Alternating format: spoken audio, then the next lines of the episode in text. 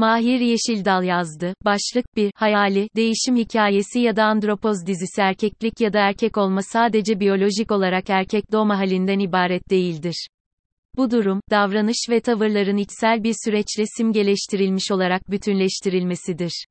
Yönetmen koltuğunda Taylan kardeşler, senaryo ve başrolde de Engin Günaydın olunca beklentiler otomatik olarak yüksekti. Algının olgudan evl olduğu günümüz dünyasında, Andropoz dizisinin de bu defakto fiili, post-truth'a, hakikat sonrası duruma, kurban gittiğini düşünüyorum. İlgi çekici bir konu olan, erkek değişimi, orta yaş krizi ve andropoz konusu daha iyi yansıtılabilirdi sanki. Bu yazıda erkeklerdeki orta yaş ve andropoz konusunu işleyeceğiz ama öncesinde dizideki bazı noktalara temas etmek istiyorum. Dizide 3 andropoz döneminde erkek var, Yusuf, Halit ve Mahmut.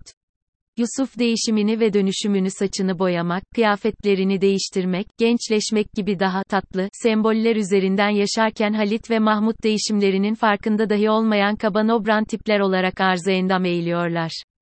Bu noktada Tamer Karadağlı'nın sosyal medyaya yansıyan homofobik ve milliyetçi tutumunun hem Çocuklar Duymasın dizisindeki Haluk hem de bu dizideki Halit karakterleriyle örtüştüğünü söyleyebilirim. Sanki Tamer Bey tüm rollerde kendisini oynuyor.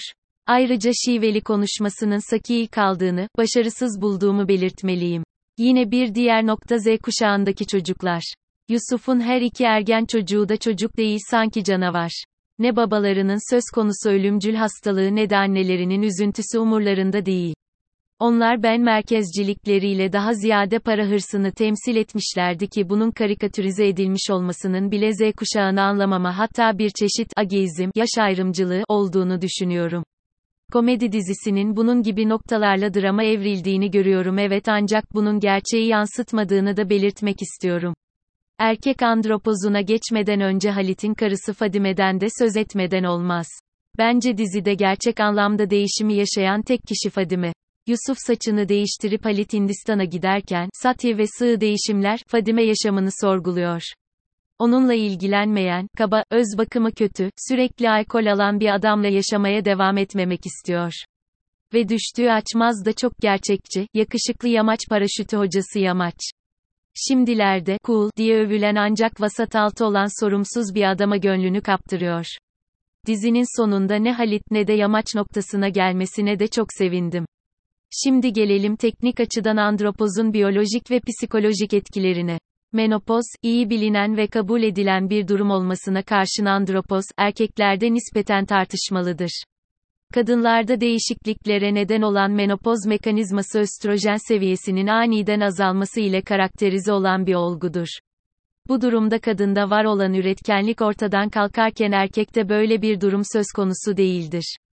40 ila 70 yaş aralığındaki erkeklerdeki androjen seviyesi yavaş yavaş azalmakla birlikte bu oran %30-40 aralığındadır. Bu durum kadınlarda bir sonla noktalanırken erkeklerde böyle bir son olmamaktadır. Erkeklik ya da erkek olma sadece biyolojik olarak erkek doğma halinden ibaret değildir. Bu durum, davranış ve tavırların içsel bir süreçle simgeleştirilmiş olarak bütünleştirilmesidir. Erkeklik, güç, üreme buna bağlı olarak soy zinciri oluşturma ve iktidar olarak adlandırılan söylemlerin bütününü kapsamaktadır. Bunun yanında babalık kavramı olmadan erkeklik kavramı da tanımlanamamaktadır. Çocuksuz bir baba, silik bir erk niteliği taşımaktan öte gidemeyecektir. Çünkü o döllememiş yani iz bırakmamış olacaktır ki dizideki Halit karakteri buna güzel bir örnektir. Gilmore ve arkadaşlarına göre, erkek kimliğinin üç temel unsuru bulunmaktadır. Bunlar, dölleyici, koruyucu ve geçindirici olmaktır. Bu ölçütler beraberinde mücadeleyi de getirmektedir. Bu durum hem kişi hem de hem cinsleri için sürekli bir erkeklik ispatını barındıran bir olgudur. Kişi bu ispatı hem kendisi hem de çevresi için yapmak durumundadır. Bunu yapmayan erkek aksi takdirde erkekliğini kanıtlayamamış olacak ve toplum içinde sembolik olarak hadım edilmiş olacaktır. Var olan bu süreç erkek yaşlanana kadar devam etmekte, kişi yaşlanana kadar kendini sürekli ve sürekli bir biçimde kanıtlamak ve topluma ispat etmek durumunda kalmaktadır. Nokta. Fakat yaşın ilerlemesi ve erkeğin eski performansına sahip olamaması bu beklentileri azaltmakta ve yavaş yavaş yok etmektedir. Dolayısıyla bu açıklamalara bakıldığında yaşlanma kadın ve erkekte hem toplumsal hem psikolojik hem de fizyolojik değişimlere neden olmaktadır. Andropoza ait semptomlar 3 grup halinde sıralanabilir. Psikolojik belirtiler, somata vejetatif belirtiler ve seksüel belirtiler.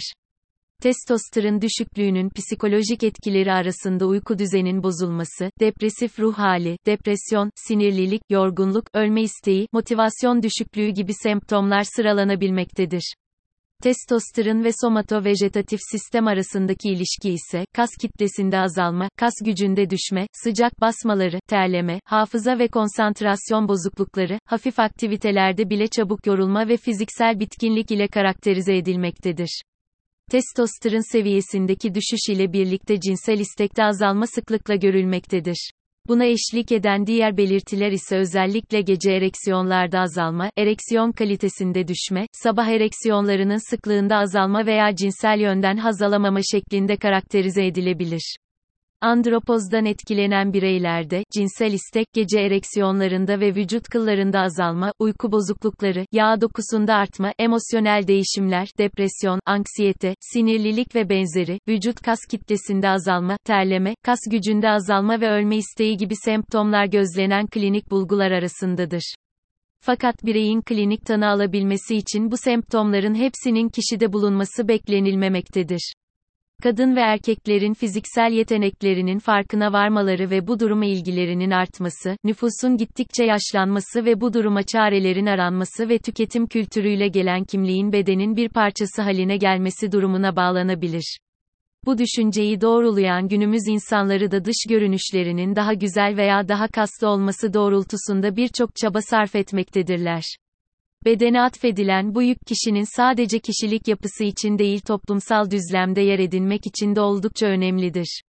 Dizideki karakterleri bir de bu perspektiften okumakta fayda var. Ayrıca 40 yaşından sonra azanı günümüzde teneşir değil, genç bir sevgili paklıyor. Bu ne kadar paklama, siz karar verin.